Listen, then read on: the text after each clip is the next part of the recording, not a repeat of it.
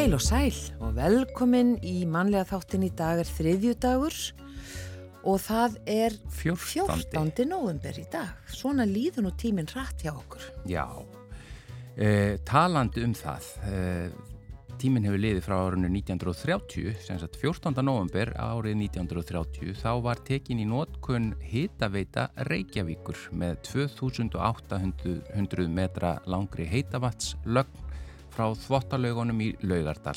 Þetta var fyrsta hitaveita á Íslandi og tengdust henni 70 til 80 hús þar á meðal Sundhöllin og Landsbítalinn.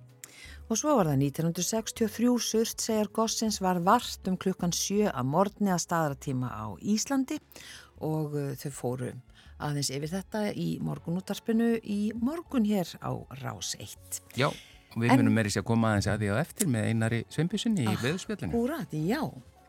Já, en eh, yfir í efni þáttarins í daginn mitt. Á fymtudaginn verður Norræn ráðstefna á vegum menta og barnamála ráðanýttisins þar sem að rætt verður um hvernig réttinda og líðræðislegt skólaumkörfi getur unnið gegn hatursorðræðu í skólum. Þar verður rætt um fordóma og hatursorðræðu á Íslandi, engum er snýrað skólasamfélaginu og áskoranir og tækifæri sem felast í tjáningafrelsinu möguleg úrræði og hvað hefur reynst vel á hinnum Norðurlöndunum en þeir Guðni Olgersson, sérfræðingur í menta og barnamálaráðanitinu og Ólafur Páll Jónsson, professor í heimsbyggi í deild mentunar og markbreytileika hjá Háskóla Íslands, koma í þáttin og segja okkur meira frá því hvað verður rætt um þar. Kurt Væl hefur sérstöðu í tónlistasögu Vesturlanda fyrir að hafa verið jafnvígur á síkilda tónlist og jazz en er þó sennilega þekktastu fyrir leikústónlistina. Væl var þýskur gýðingur sem uppliði báðar heimstyrjaldir og flúði Þýskaland til New York þar sem hann samti fyrir Broadway og vann með mönnum á borði Æra Gösvin.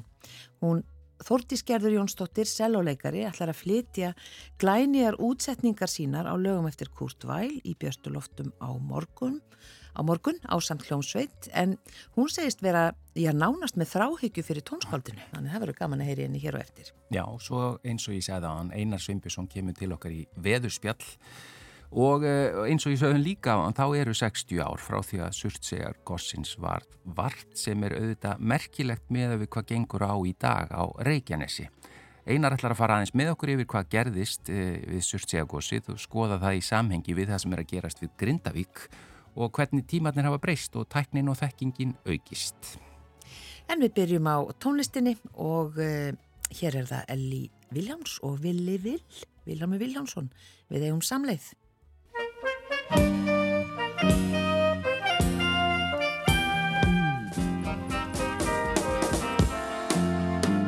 Um bláan sæin sönglar óma Því sumarið er komið ástin blóma Af ungri gleði jörðin stýr Og því skal fagnað heitu hjarta Og hylla þennan fagra ljúfa dag. Og út í híminn heiðið bjarta Skal hefjast okkar gleði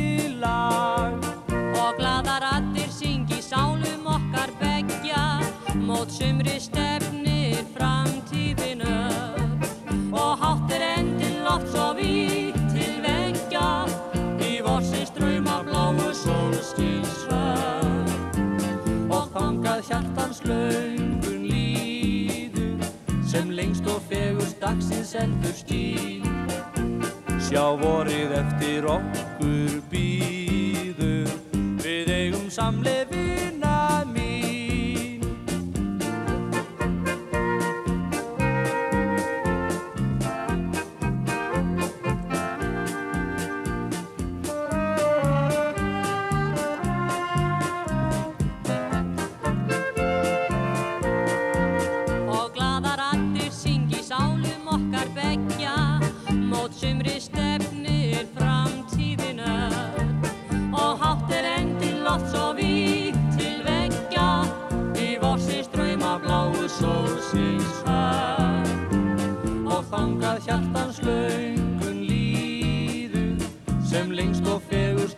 heldur stíl Sjá vorið eftir okkur býður Við eigum samleifina mín.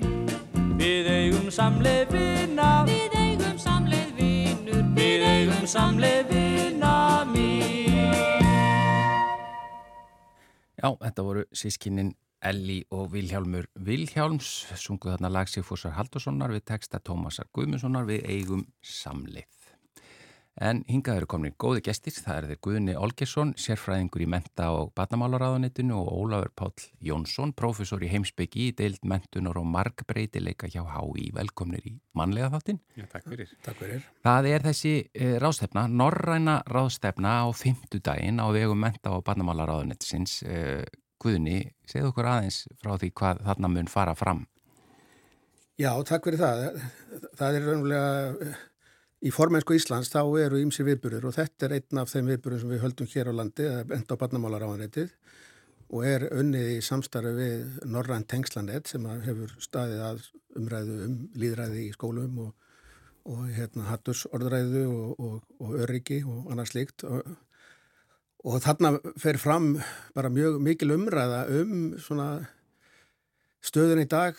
Þarna verða bæði, hérna verður Katrin Jakobsdóttir verður meðlans með ávarp og, og hérna alls konar sérfræðingar, innlendir og ellendir fara þarna yfir stöðuna og þarna verður tækifæri fyrir fólk til þess að svona taka þátt í umræðum og leiða saman hesta svona fólk sem hefur áhuga á mentamálum og, og hérna, vinnur í mentakerfinu að stefnumótun eða í, í skólum. Þannig að við skinnum að það mikið, er mikið áhuga á þessari ástefnu og bara hvetja fólk til þess að mæta á staðinn. Það er sem sé en þá átt að skrá sig á vef ráðrætsins mrn.is og það er ókeppis inn á ráðstefnuna og það er líka að fylgjast með henni í streymi af vef ráðrætsins þannig að það var engin að geta mist af þessu en þarna vonustum til að fari fram mjög svona mikil umræð um þessu mikilvægu mál, mjög mikilvægu mál í samfélaginu, hvernig getum við eld líðræðislegt skólastarf og unnið gegn hattusorðað. Þetta er eiginlega svona kjarnin.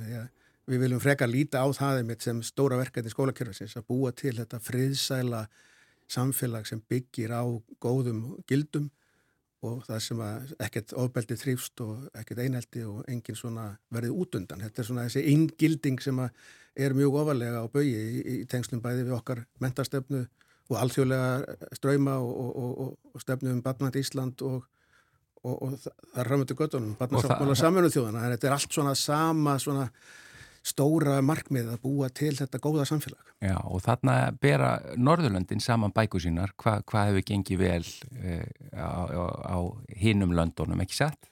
Og þú varst að segja mig líka hérna fyrir utan hvaðan þessi hugmynd og þessi samvinna sprettur. Já það má eiginlega segja það sko að þessi, þetta, þetta er svona ákveðinu uppskeruháttið svona í þessu norðan samstarfi. Það er búið að vera mjög mikið af verkefnum í hinn og Norrlöndunum líka og hér áður og þetta má reykja svona aðdraðan að þessu tel ég til hérna Breivik í Noregi 2011 þegar að svona það setti bara allt annað á endan með hriðverk ára þessar ungmenni upp úr þurru og það voru líka búin að vera árásir í skóla á nokkrum Norrlöndum þó ekki hér á landi en, en svona, menn höfðu ágjör af því að það væri svona verða eitthvað svona öfgahyggja sem væri að taka völdin og myndi leið okkur í svona ógöngur og Og Norra ráðurendin setti saman vinnuhóp til þess að vinna þessu máli og sem hefur unnið með sérfræðingum og ráðurendunum og, og stofnunum og háskólum og það má kannski segja að þetta sé svona, já, hafi reykjum en áfram í byrjun að vinna sem sé gegn þessari miklu öfgahyggju sem menn sáu þarna meðal með Breivik. Uh -huh. Yfir það núna eru menn meira að tala um hvernig getum við lagað og bætt samfélagið og skólasamfélagið og ég verð nú að taka fram hérna bara svona að því við vorum líka að tala um hérna aðeins fram með hversu gaman er að sjá krakkana eins og í gerðkvöldi með skrekk.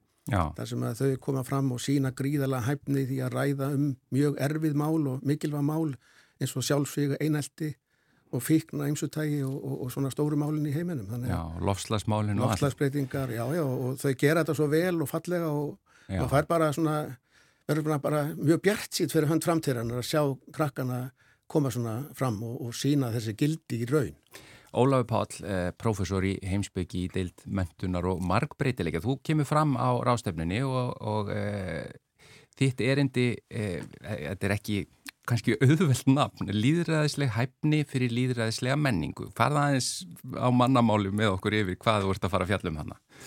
Já, ég ætla að segja frá verkefni sem hefur verið í gangi hjá Európuráðinu frá það, 2016 eða svo mm.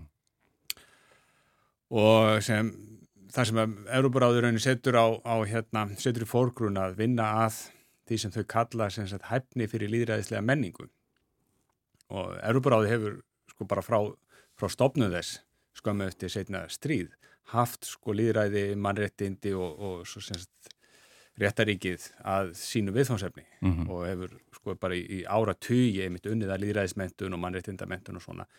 En þarna verður svona smá áherslu breyting og þau, þau setja fókusin mjög svona ákveð á það sem þau kalla líðræðislega menningu og ástæðan fyrir því að þau vilja tala um ekki bara um líðræði, heldur líðræðislega menningu er samfæring þeirra um að um að sko rætu líðræðisins liggi í rauninni í menningunni. Mm -hmm. bara hjá okkur uh, bara, almenningi. Þetta bara byrjar í þessum hverstagslegu samskiptum okkar. Bara, við erum bara út í búð og bara hvernig berum við okkur að? Hvernig tölum við nágrannan? Hvernig hvernig, hvernig eru bara þessi hverstagslegu samskipti okkar Já. þannig að þau segja sko þarna þarna byrjar líðræðið og þetta eru líðræðislega stopnanir mikilvægar, ég meina, Európaráðið er með heilan mannreitindadómstól sem, sem er ekkur sem er svona dæmi gerð líðræðislega stopnun Já. en það sem þau eru að leggja áherslu á er að, er að þessar okkar líðræðislega stopnanir þær mun ekki ná að skapa líðræðislegt samfélag nema þær séu sagt, þær kvíli í líðræðislegri menningu og, og þau hafa þá reyndað segja svo aðeins meira svo, hvað er þessi líðræðislega menning, hvernig getur við eldan á þau skilgreint fjölmarka svona hæfnithætti sem mm -hmm. að skipta máli og margir sem tengjast þetta beint sem sagt sko já þau orða kannski ekki nótt ekki orðið hattusorðað heldur, heldur heina hliðin á peninginu þar að segja að við séum opinn fyrir breytileika, við séum tilbúin að hlusta á aðra skoðanir við séum, séum, hérna, séum fær um að eiga þessi samskipti sko, við fólk sem er einhvern veginn öðruvísin við Já, að, að, í, í greininni eða sem þú sendir mér sérsett sem Já. þú ert að fara að fjallum þar eru skilgreinda sjötegundir líðræðislegar hæfni Já. sem að er, ég bara rulla yfir þær hérna rætt að, að því að þetta er eitthvað sem ég held að fólk tengi og átti sér alveg á hvað þá verið að meina. Samræðu hæfni, sáttfísi gaggrínið endurmat félagsdroski, sigla uh, mótun lífsínar og virðing fyrir náttúrulegum mörgum þetta er í rauninu við þetta er það sem að þeirti að þínu mati eða hvað? Fyrir... Já, þetta eru svona, svona hefnið þætti sem ég vinn svolítið svona upp úr þessu efni frá, frá Európaráðinu. Európaráðu setur þetta fram aðeins öðruvísi. Já. En einmitt bara þessi samræðu hefni, sem að inniferu líka sko bara samræðu vilja, bara við mætumst einhver staðar út á götu eða við erum nágrannar og svona og kannski erum við nágrannar og við erum ekki alveg sammála um, um hvernig við viljum hafa þarna loðamörkin hjá okkur. Já. og hvað gerum við? Ok, og fórsenda fyrir því að við getum svona lifa sæmilega saman er allavega við höfum einhvern svona samræðu einhverja samræðu hefni, við höfum tilbúinu til að, til að við viljum ræðamálinn og við séum einhvern veginn bara færir um það. Já, því að það er auðvitað e, í dag þá er, er fólk hrættjafvel á mörgumstöðum meiris í bandaríkjónum og viðsvegar um Európu og viðsvegar um heima að það svona hætta stæði að líðræðinu Já, já, það er bara það stæðir hægt að líðræðin, við sjáum aukna svona polariseringu, við sjáum uppgang allskins öfgahópa. Og óþól þá gagvart skoðunum annara og alls konar óþól og hérna og það eru sjúkdómseinkennin. Og það sem að Európaráður er að segja er sko, við þurfum að ráðast að rótvandar sem er menningin, við þurfum að skapa líðræðislega menning og skólakerfið er í raunin eina kerfið sem við höfum til þess að vinna þessu markmiðum. Og þess að það í rauninni eru skólanir grundvallar stopnarnir hins líðræðislega samfélags. Já, það er, ég minna, er við að berjast eða að glíma við svipuð vandamál og öll hinn Norðurlöndin hér á Íslandi? Já, tvímar og laust og hérna sundum getum við sagt að þetta sé svona, við séum eitthvað márum eftir eða, eða, eða svona ekki alveg samhliða en, en, en það er líka bara á, í nútímanu þá gera hlutinni svo rætt og, og, og það er hérna kannski held ég að að, að sömt sem gerist það bara er til dæmis í gegnum TikTok eða gegnum einhverja samfélagsmiðla. Sem gott dæmum það, þá var svona einhvern veginn bylgja sem reys gegn hinsegin fólki, gegn TikTok og enginn fullona vissi af því. Já, já. en það var bara tekið á því strax. Það er svo mikilvægt að taka á þessu strax því að það, krakkan er endilega átt að segja ekki á því hvað þau eru að gera, þetta eru bara elda eitthvað TikTok myndband, en það er þessi hugsun sko að búa til menninguna að þú farir ekki úti eins og Ólafur segir, þú farir ekki úti þessa þennan pitt að fara að nýða niður aðra eða annars líkt og þetta er eitt af því sem hefur komið fram meðal annars í svona skýslum sem að ekri eða hérna, nefnda Európaráðsins gegn kynntafordómum og öðru slíku hefur komið stað að það, það sé svona ímislegt gott að gerast hjá okkur og við séum bara mjög góða stefnum mörgum sviðum og góða ferla. Það sé svona til dæmis að sé áhugjefni hversu hérna að það sé ákveðin svona einelti gegn til dæmis minnir þetta hópum eða innflytjandum, hælistleitendum eða, eða hinsegin fólki. Og þetta er svona eitt af því sem bara verður að taka mjög alvarlega. Og ég held að þetta sé til dæmis þessi rástefna er náttúrulega mjög góð til þess að velta fyrir sér hvernig getur við öll í saminningu, bara, bara, líka unga fólkið og stjórnmálmenn og allt þar á milli sérfræðingar og, og búið til kerfi sem að næri yfir öll svið svona málinu batna og ég held að skólakerfið er náttúrulega gríðarlega mikilvægt en við segjum líka í batnamálaráðunitinu, ment- og batnamálaráðunitinu að, að æskulisvettvangur allur og, og, og ungmennavettvangur og íþróttirnar og, og alls konar starf sem er unnið með börnum og ungmennu, þetta skiptir allt máli og þar geta þá hérna, getur fólk lært þessi líðræðislegu vinnubröðu eins og maður, þessi dæmi hvað maður sá vel í gæri í, í skrekk hvernig við búa til teimi sem, sem við vinnum saman og Þau eru komin mun lengra en til dæmis við vorum komin á, á, á þeirra aldri. Eh, Það er að segja að ég er að tala fyrir mína hönd hérna í, í öllum þessum málöfnum en, en e, því miður komist við ekki lengra í bíli en rástefnan hún er á fymtudaginn, byrja bara strax nýju morgunin eða ekki? Hún Hvar- byrja bara klukka nýju, er í hörpu og, og, og það er bara ókipis, ítrekka það, það er, það er ókipis inn og, og líka hægt að fylgjast með á netinu og, það er að skrá sig á vef mrn.is Já. og bara vonumst til að sjá sem flesta. Guðni Olgesson, sérfræðingur í menta á bandamálaráðundinu og Ólafur Páll Jónsson, prófessor í heimsbyggi í deild mentunar og markbreytileika hjá HÍ. Takk innilega fyrir komin í manlega þáttin. Takk fyrir. Takk fyrir.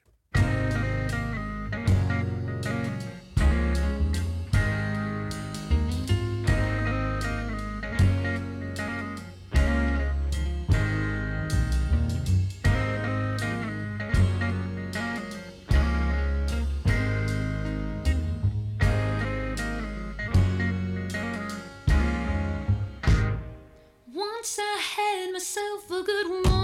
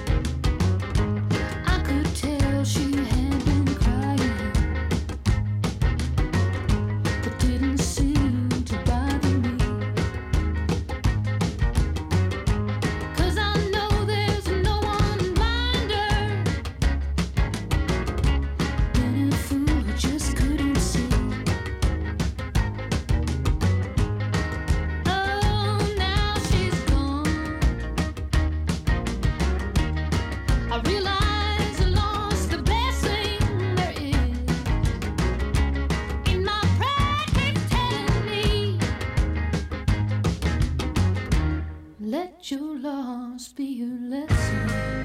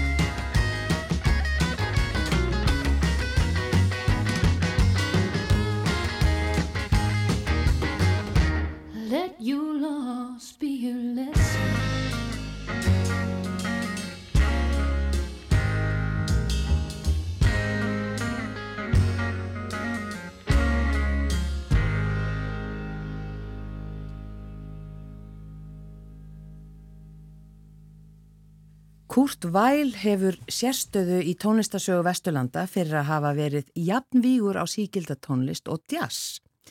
En hann er þó sennilega þekktastur fyrir leikústónlistina sem hann samti á St. Bertolt Brecht og Weil var eh, þýskur gyðingur, uppliði báðar heimstýraldir og flúði Þýskaland til New York, þar sem hann samti fyrir Broadway og vann með mönnum á borðið Æra Görsvin. Eh, Þórdís Gerður Jónsdóttir, selloleikari, ætlar að flytja nýjar útsetningar sínar á lögum eftir Kurt Weil í Björstu loftum á morgun á samt hljómsveit og þarna verða leikin sönglög sem spanna allan tónsmíðaferil tónskáldsins. Velkomin Þórdís. Takk fyrir. Þetta er nú ekkert smáraði. Hvenær uh, eiginlega gerður þetta? Herði, já, ég hérna gerði þetta í sömar og þetta var svona daldi, já, það hef, ég veit ekki hvort maður be- segja sem betur fyrir en ekki, sko, að því ég sérst fótbrotnaði í sömar Æjæj. og hérna, en bara gekk rosa vel, sko, og er bara í góðum gýr núna, en hérna, en þá allt í henni fekk ég rosan tíma, þannig að ég satt bara heima hjá mömmu minni í hveragerði við flíil sem hún var fekk að nýbúna, hérna, eignast Já. og bara ég hérna, átti ótrúlega góðan tíma með þessum lögum sko. Já. Einmitt. Og var þetta eitthvað sem þú hafðir alltaf ætlaðir að gera eða? Já, þetta er sko, þetta er í rauninni svona draumaverkefni sem ég og vinkona mín Björg Níelsdóttir Sopran sönguna höfum bara, við höfum talað um þetta örgulega í 2-3 ár núna að gera og hún hérna að því að við svona eigum það sameigilegt líka með tónskáldinu að vera svolítið flakkandi á milli stíla og hérna og þá er þetta bara efniviður sem einhvern veginn bara hefur endalösa möguleika en, en þetta er strángti tekið sko þriðji kurtvæl viðbyrjun sem ég held Já, hérna, hérna, einmitt. Þú akkurat. hefur einstakann áhuga á Kúrtvæl. ég myndi segja bara þráhyggju Eða bara þráhyggju, já, já. algjörlega sko Já, og þú, eh, þú varst með eitthvað hlaðvarp um hann og svo skrifaður meistararitgerð. Eða, það var svona hlutameistarannáminu Já. mínu um hann en það var svona hérna, ástæðan fyrir því ég tók hann svona fyrir í mínu námi var að ég náttúrulega hafði elskað sko sönglögin hans og leikustónlistina og þetta er alveg magnaður efniður að þetta, veist, þetta er Berlín 1928, þú veist, sem er bara svolítið punk og svona atónal, hann ætlaði að læra hjá Sjönberg og fara bara allar leið í bara þá hérna Salma sko, en svo einhvern veginn flækist hann meirinn í leikusið og svo kemur hann til Fraklands og semur eins og innfættur sko svo fer hann til bandarækjana og semur eins og innfættur en alltaf svona með sínu sko. En svo bara er eitthvað móment þar sem ég uppgöta að hann samti sónuti fyrir cello og piano sem hafði aldrei verið flutt á Íslandi. Og það, ég sko fattaði þetta árið 2019 og verkið var samið 1920 þannig hún átti þarna 100 ára ammali Já. árin eftir. Já, sem er náttúrulega COVID árið mikla sko. Já. og hérna þannig að ég sækjum á jazzatíð að flytja sem sagt þessa sónutu og svo eigin útsendingar á sönglögum hans. Að þá er ég reyndar ekki með söngvara með mér þá bara var það hljómsveitar útgáfa sko. Og hérna og það var alveg mögnur einsla því að þarna vann ég með önnu Guðni og Guðmundsdóttur.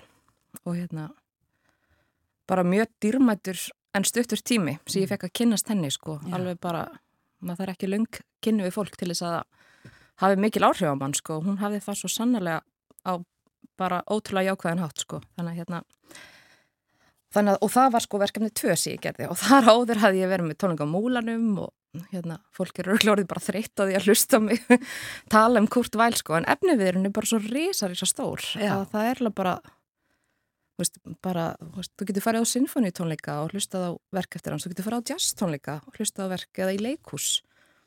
Og hann var ekkert neginn bara allstaðar eins og eins og innfætur, sko, Já. það er svo magnað. Það er alveg magnað. Já, og þau eru mjög svona, svona auðþekkt verkina, svona, svona hvert er hans höfundareinkinni myndur þú segja? það er nefnilega ótrúlega góð spurning að því að hann einhvern veginn er þarna að semja öllum þessum ólíku stílum og er sko algjörlega eins og bara ymitt, innfættur í þessum stílum en heldur samt alltaf einhverju svona sínu einstaka já, hann hefur alltaf svona sitt einstaka einkenni á öllum lögunum og oft er það eitthvað sem margir upplega sem skrítið sko. Já, og játmjöl tormelt. Já, sumum. akkurat. Þú veist, framvindan, hljómar framvindan til dæmis getur verið svolítið bara, já, einhvern veginn öðruvísi en maður venst. Mm. En hérna, og líka svona, mér stann oft vera með svolítið svona beittan takt. Það er svona, já, það, þetta er svolítið svona kvassar brúnir stundum sko, en svo getur hann verið mjúkur líka, það er alveg, alveg magnað en svona en þetta er, þetta er algjörlega eins og það segir, veist, hann hefur eitthvað einstakt, en það er alltaf erfitt að setja fingurinn á það sko. já, hvað það er. Akkurat. Uh, segðu mér hans bara frá, frá manninum. Þetta er, hann er gefingur, hann Einmitt. lifir tvær heimstýraldir. Já, hann fæðist þarna í Dessá í Þýskalandi árið 1900 sem er hérna í austur, austur já, norðaustur hluta held ég, ég er ekki alveg með landafræðina á hreinu, en pappans var sagt uh, svona söngstjóri í hérna synagóku geðinga í bænum og, og hérna, og Kurt einhvern veginn elst upp við mikla tónlistar, bara mikið tónlistarlífin á heimilinu. Og svo þegar fyrri heimstyrjöldin brýst út þá ákveður hann að læra á trompet. Ef hann skildi vera kvættur í herin og þá gæti hann sko hérna farið bara í hér hljómsveitina. En svo gerist það reyndar ekki. Og svo fer hann svona einhvern veginn hérna flækist hann inn í leikhúsið í borginni. Og hann sagði setna mér þó hann hafi lært hjá, þú veist, Busoni og Humperding og unni með Görsvin bræðrunum og öllum þessum að þar var einhvern veginn hans tónlistamentun í leikhúsinu sko. Þannig að hérna hann á alveg ótrúlega verk og svo kynnist hann þannig Bertolt Brecht í Berlín. Já, sem hlýtur að hafa verið mjög skrautlegt samstarf. Maður svona, þegar maður lesum þetta þá einhvern veginn hefur Bertolt Brecht verið bara extrovert, bara orðabóka skilgreining á extrovert en Kurt einhvern veginn introvertinn sko og hérna og mjög svona flókið einhvern veginn að ná einhverju samvinnu en þeir eiga þarna þrjár ódöðlegar óperur eiginlega, túskildingsóperan kannski frægust mm. og svo fer hann til Fraklands hérna, þarna er náttúrulega brjálu reitskoðun í gangi í Þískalandi og þetta varu mjög pólitískar hérna, síningar, mikil ádela á sko ekki bara Þískaland, þetta er líka bandarækinn til dæmis og hérna já, þannig hann flýr fer til Fraklands og semur þar bara við franskan texta bara eins og maður sem hefði verið bara alin upp á frönsku sko. Já, reyndar samt hann ekki sjálfur textan sko, það er, reyndar, það er bara eitt söngla sem ég fundi þar sem hann á textan líka en hérna og þaðan fer hann til bandaríkjana með smá stuttu, í hérna, stuttu stoppi í London. Og þá er hann bara komin á Broadway sko þannig að þetta er ótrúlegt ég hugsa alltaf bara vá og svona hann lifir ekki lengi, hann verður bara 50 ára gamall sko en á þessari stuttu æði, þú veist að upplifa allt þetta já, og bara einhvern veginn heiminn þú veist, allan vestrana heiminn bara eins og hann leggur sig já. nánast, Já, eða þú veist, að einhverju leiti sko. mikil átök. Já, og með honum er alltaf hérna konan hans, Lotta Lenja sem var leikona og söngkona og svona hún er algjör, maður getur haldið heila heilt podcast og tónleika og allt um hana bara sko og hún einhvern veginn hefur líka algjörlega sína sérstöðu en verður svona hans sko einhvern veginn hans mesti túlkandi eiginlega, bæði í sko leik og söng Einmitt, en hún hefur leikuna og sönguna. Já. já. og hérna, einmitt þannig já, ég, ég verð alltaf eiginlega bara svona hálf sko gáttuð á hvað hvað þessi maður gerði, þú veist, og líka bara einhvern veginn að flýja mjög erfiðar aðstæður og og samt einhvern veginn að halda sköpuninni einhvern veginn svona á lofti, það er eiginlega alveg magna Já, og ná árangri í, í þessum Já. löndum sem hann í rauninni flýr til. Akkurat sko og hérna, það var náttúrulega ekki allt sem vakt einhverja mikla lukku hann, hann hérna lendi líka alveg í mótlæti það, þú veist, og það kannski gerir þetta ennþá mér sjármyrandi að hérna að það var ekkit allt eitthvað e, bara einhver hérna þetta var enginn sigur ganga endalaust sko Mm. en hérna En svona þínar, já, útsetningar, var, eh, sko, var þetta, mm, var þetta erfitt að búa til nýjar útsetningar á þessum lögum? Og fyrir hvað segir þau? Fyrir þá selló já, og söng. söng og svo er sko við erum með sko algjöra supergrúpu hérna það er alveg bara alveg magnað hva, hérna, hvað við vorum hefnar við Björk sko. En við skrifum bara lista af fólki sem okkur langaði til þess að vinna með og það var erfitt að gera þann lista, það er svo margir frábærir í kringum okkur. En við höfum allt, við fengum eitthvað svona eitthvað svona insights tilfinningu, já þetta er rétta fólkið sko. Kemur í ljós að eiginlega bara öll þau eiga einhverja svona sögu með Kurt Væl sko, Já. einhver uppáhaldslög eða eitthvað. Og þetta eru allt flytjendur sem eru jafnvír á skrifaða músik og spunamúsik þannig að það var ekki erfitt að að hérna að einhvern veginn láta sér þetta eitthvað í hug fyrir þetta fólk sko, því maður veit líka bara ef maður skrifar eitthvað sem hefnast ekki, þá gera það bara annað betra sko. Og hérna það þarf ekki að hafa neitt fyrir því. Mm. en þetta er sem sagt Una Sveinbjörnadóttir á Já, og hérna Haugur Gröndal á klarinett og saxofón. Og svo er Andri Ólafsson á kontrabassa og það er náttúrulega ekki hægt að hafa hann á tónlingum án þess að láta hann syngja. Nei, hann að- afskaplega fallega rödd. þannig að hann syngur hérna eitt lag og svo er Mattias Hemstokk á slagverk og Kjartan Valdimarsson á piano og Björk náttúrulega heldur þessu uppi bara svakalett prógram fyrir söngverð að syngja sko en gerir það bara alveg með glans og hún er búin að stúdira þetta í þaula sko Spennandi. Ótrúlega spennandi, Já. ég heila bara get ekki sko, það er svona ískrar bara í mér ég er svo spennt sko. Og þetta er á morgun. Þetta er á morgun á Í- múlanum Já, á múlanum í Já. Björstuloftum. Akkurat, Já, þetta er bara eh, í djassröðinni. já og hérna, við erum kannski svona aðeins að, að hérna, við lítum á sem mjög vitt hugtak í Já. þessu samhengi en, hérna, en bara með rétta fólkinu þá er þetta líta á allt sem jazz sko. Já, bara ef það er eitthvað frelsi og, og hérna og fílingur fyrir að gera eitthvað, eitthvað spennandi Akkurat. Þetta er mjög spennandi og uh, hvenna byrjar þetta?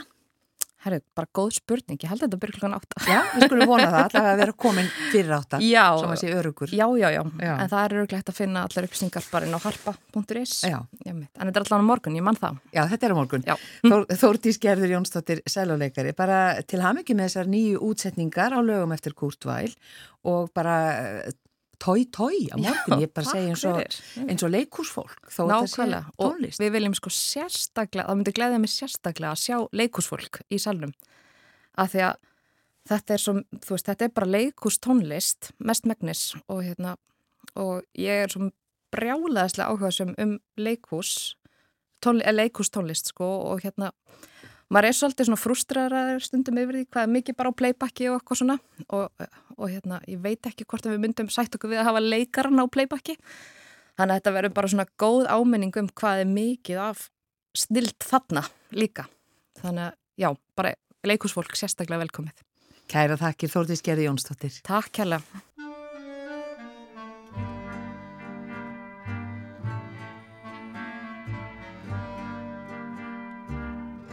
C'est presque au bout du monde. Ma barque vagabonde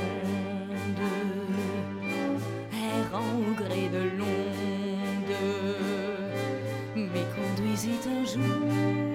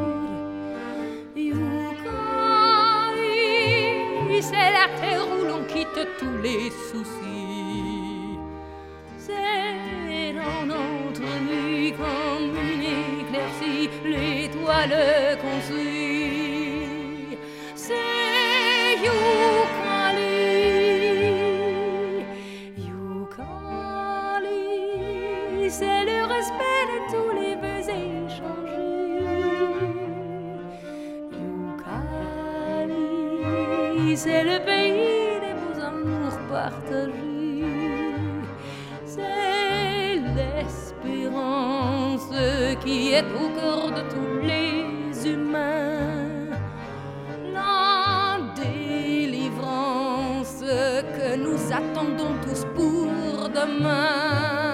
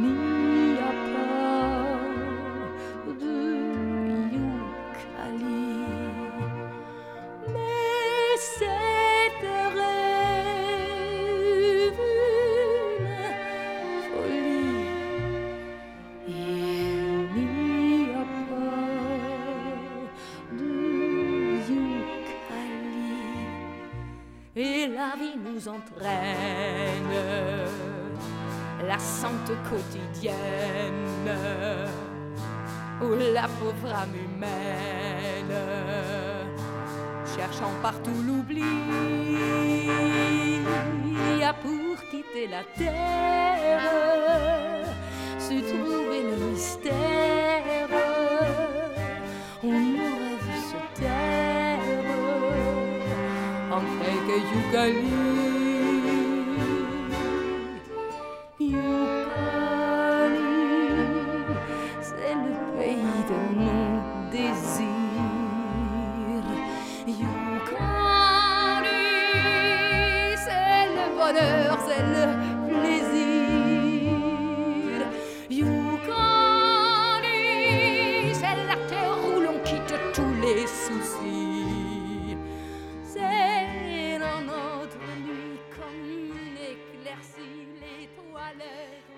Var uh, Júkali eftir Kurt Weil og Roger Furney uh, út í Lempersflöti.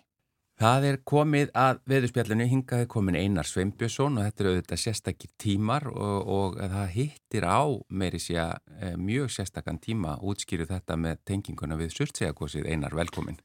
Já, takk. Það er svo sem ekki far. Það er svo sem verið fjallað um það en það er, er í dag akkurat 60 ár frá því að surtsegakosið hófst 14. november 1963 eða 60 ári dag frá því að það uppgötvaðist. Sennilega hefur það nú verið búið að matla neðansjáar á það sem er tækju eftir í einhverja dag og kannski viku. Já, og, og eh, ég er hérna með lýsingu sko af upphæfinu sem að Sigurður Þóraðinsson skrifaði hér í Náttúrufræðingin 1965 og hann segir hérna í annálunum sko eða, eða já, gósannálunum Ólafur Vestmann, kokkur af vélbátnum Íslei við öðrum frá Vestmanniðum sem stattur er um fjórar sjómílur vestur á Girfuglaskeri verður þess var klukkan 7.15 að reykur stígur upp úr sjónum nokkur sunnar. Skipstjórin Guðmar Tómasson siglir nær til þess að aðtuga fyrirbæri nánar, reynist þetta að vera neðasjáagós á gósprungu og klukkan 10.30 er gósmökkurinn orðin 3,5 km hár. Þá gís á þremur stöðum á gósprungu með stefnu suðvestur, suðvestur norðaustur og um þrjár sjómílur vestuð-vestur að gera fugglaskeri.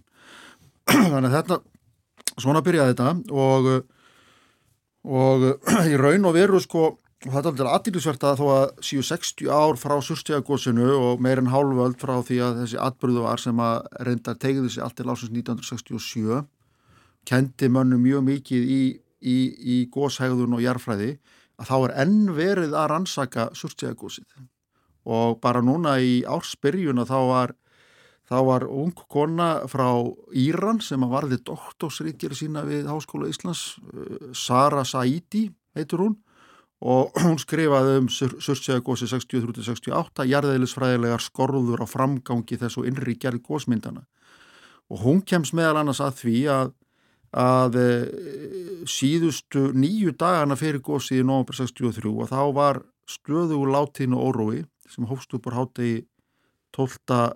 Já, stöðu lát, látínu órói sem að e, sem að hérna já, látínu óróin hófst sko 12. november og hann er talin marka upp af surstjæðagósins 40 tímum áður en gósi sást á yfirborði mm. og uh, þetta lesun út úr þessu frumstæða mælakerfi sem þá var til sem er allt, allt annað en, en þetta síkvika vöktunarkerfi sem við erum með í dag, í, í, í, í dag.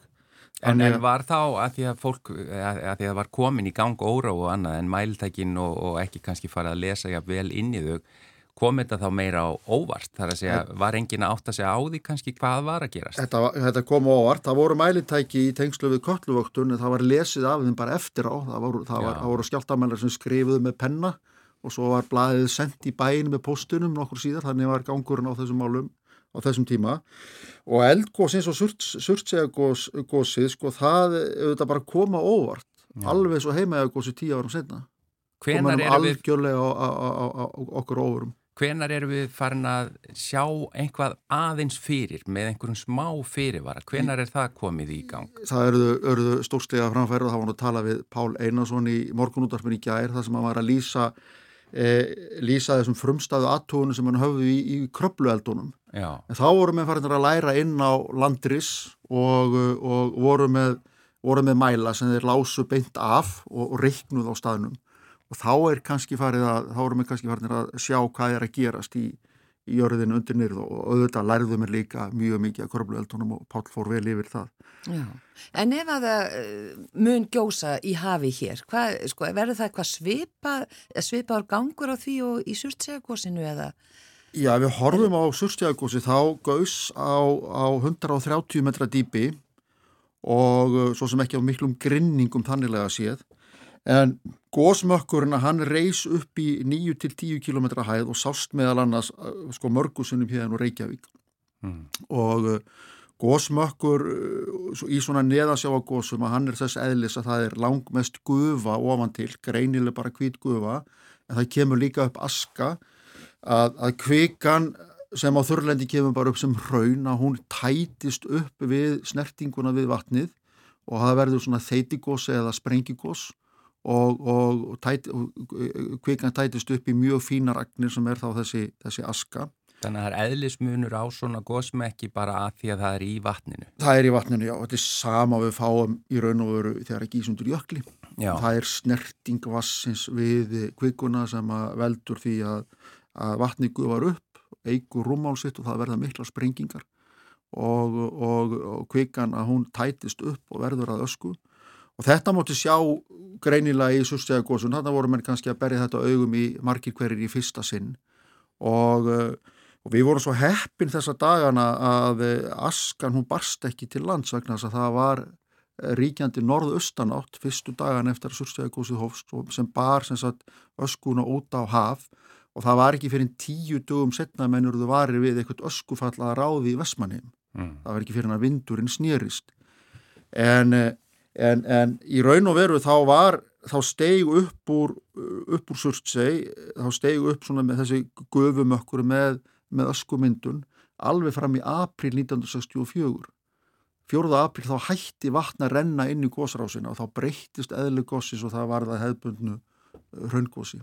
Þannig að mökkurinn var mingaði eða var nánast engin eða?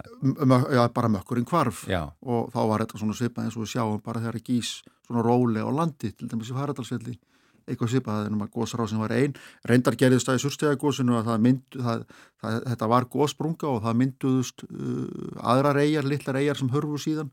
Þannig að það góðist aftur í, í sjó sirtlingur meðal annars mm. í 1965 en uh, það er annað sem fylgir þessu líka og það er mikil eldingavirkni vegna þess að, að það verður rafleðslu aðskilnaður í svona mekki og uh, og hérna Eh, sko gufana hún hefur svona jákvæðarleðslu hún, hún, hún jákvæðarleðsluna berast þá upp en sjálf askan er með neikvæðarleðslu og, og þessi leðslu munur jafnast út með því að, að það verður mikil eldingavirkni inn í sjálfu mekkinum og síðan ná sumar að þessum eldingum var reyndar margar alveg niður til jarðar. Mm. og uh, þarna á tímum surstjæðagósins þá voru meina að mæla þetta og átta sig á þessu meðal hans Sveinbjörn Björnsson fyrir hún þetta háskólarektor sem var það ungur maður og þeir voru að skvetta gufu á glóandur raun og, og mæla hlæðsluna og þá komum sem enn að því sko að, að, að sko rafleðslan eða, eða, eða rafsviði það var 30 svona sterkara heldur en svona venjulega í andrúrslofti í svona, svona góðsmekki og það þekkju við og, og, og það fylgir alltaf þegar að gís undir vastþrýstingi að, að, að í mekkjuna verður alveg ótrúlega mikil fjöldi eldinga. Og við mældum þetta í grímsvartagósinu þessu síðasta. Mjög, mjög greinilega. En svo spurja með sig að því sko hefur svona gós svona sprengigós eða þeitigós undir hafi eða undir jökli hefur það áhrif á veðufarið að því við vitum það að stórgós geta breytt veðufarinu og þá er því til að svara að að sko sjórin að hann kælir það mikið að risið á gjóskumekkinum næri ekki að brjóta sér leið upp í gegnum allt veðrakólfuð upp í heiðkólfuð upp í 15-20 km hæð en það þarf til, það þarf að þeita brennistinsögnum og gósefnum upp í heiðkólfuð til þess að, að veðufarsbreytingar geti eða, eða, eða, eða til þess að veður kólni mm. e, í, í gósum og það gerist bara í allara stærstu sprengingósum. Hefur það gerst hér? Já, það hefur, það hefur gæst hér, það var nú uh, öskugósi 1875 var nú svona mörgum þess að geta talist hafa haft áhrif á, á veður en þetta er nú aðalega reysa stóru sprengigósin sem verða við miðbögu í Indonésiu uh, á, á ströndum, uh, á Ameríkuströndum bæði Norður og, og Söður Ameríku og Mexiko. Verður svona mikill gósmökkur sem fer svona hátt og með, með svona mikill, miklu öskufalli, verður það samt þó það sé ekki í sjó eða í jökli það er að segja, get, ef það kæmi upp bara það sem er ekki svona mikið vatn. Já, þá við að tala um, um svona raunveruleg sprengigós Já. Það er ekki að fara djúpt í jarfræðina, þetta er það ekki mitt svið en sprengigós eins og verði í ösku 1875 þá komar ekki vatn til staðar. Já, já. Heldur var það, það kvíkuhólfið undir sem kom upp með svona, eða kom upp kvíkuhólfinu með svona óbáslega miklum atgangi og, og En þannig að, að, að þegar ekki í svona undir vatn og undir sjó þá fáum við þennan mökk og þá skiptir öllu máli hver vindáttin er, hvort að þetta er að fara yfir okkur eða berast frá okkur mm. og, og við oskum þess nú mjög ef, að, ef, ef, ef þetta færi nú að vestavegi í, í Grindavík að það snýrist nú til norðanáttar og myndur beina þessu alls saman út á, út á haf Já. en ekki, ekki sunnan eða suðustanótt sem færiði, færiði mökkin, eldingarnar og gjóskuna yfir land. En allar þessar framfærir í, í bara að geta séð svona betur fyrir og mælitækin orðin mun betri og öll þessi reynsla sem hefur sapnast, ef að, mynd, ef að þetta væri að gera sem er að gerast núna á Reykjanesi hefði verið að gerast þarna á þessum tíma eins og Surtseg, hefðu við þá ekki vitað nákvæmlega hvað bara væri að fara að gerast eins og, eins og við vitum í dag? Jú, men, sko, menn vilja meina það að ef að höfum verið komið svona fullkomin mælitæki eins og verum í dag mm. við upphaf heima eigagósins þá hefði sennilega vestmanniða bæri eða vestmanniða verið rýmdar einhverju dögum áður en kom til gós. Já. Það er svona tilgáta manna. Eh, og, og en sko, auðvitað fundum en kipi mm -hmm. og uh, sko, jarðskjáltar er ekkit óalgengir á Söðurlandi, við tengjum þá ekki alltaf við eldgós, en á þessum tíma þá kom þetta mönum algjörlega í opnaskjöld. Ég held að vera að segja þetta eins og er. Já. Mm.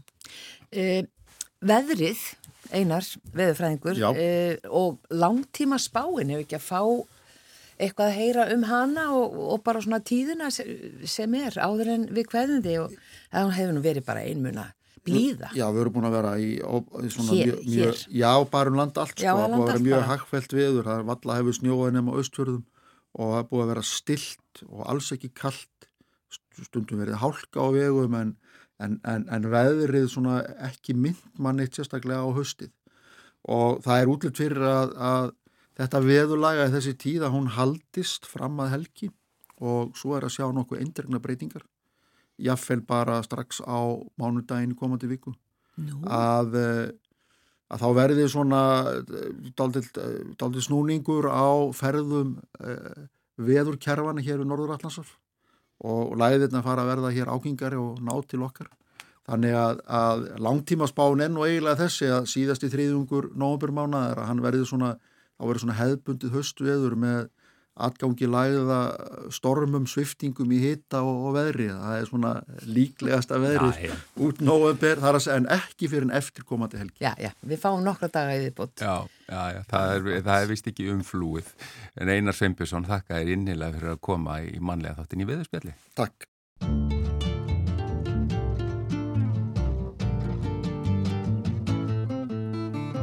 Ísland heitir Eyjaber úr gumla minn hriðjum staðsett þessi Eyja er á allans hrygnum miðjum.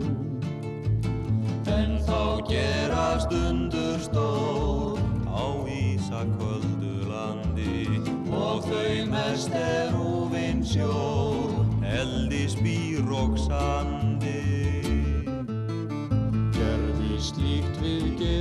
stairs.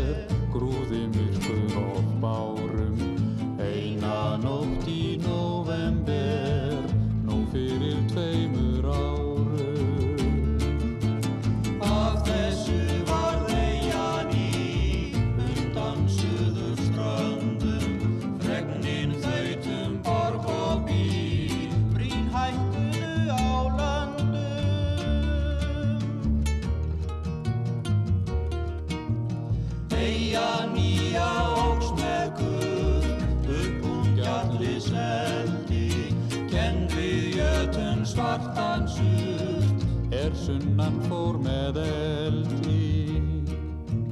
Surtur hann er hljóðnaður, ég hygg hann þögull blífi, þótt sonurinn hann sýrtlingur, sífælt kjaftin rífi.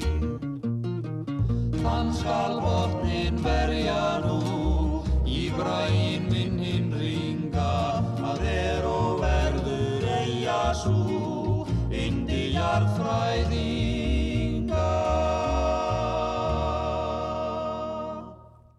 Surt segjar Ríma, þetta var Savana tríóið lag eftir Þóri Baldursson og Sigur Þórainsson og þetta átti nú vel við hér eftir veðurspjalli við Einar Sveinbjörnsson 60 ár frá því að Surt segja Gossins varð vart í dag. En þetta var líka uh, síðasta lagið í þættinum í dag, þar að segja fyrir utan stefið sem er núna komið í loftið en við verðum hér auðvita aftur á sama tíma og morgun þökkum innilega fyrir samfíldina. Verið sæl.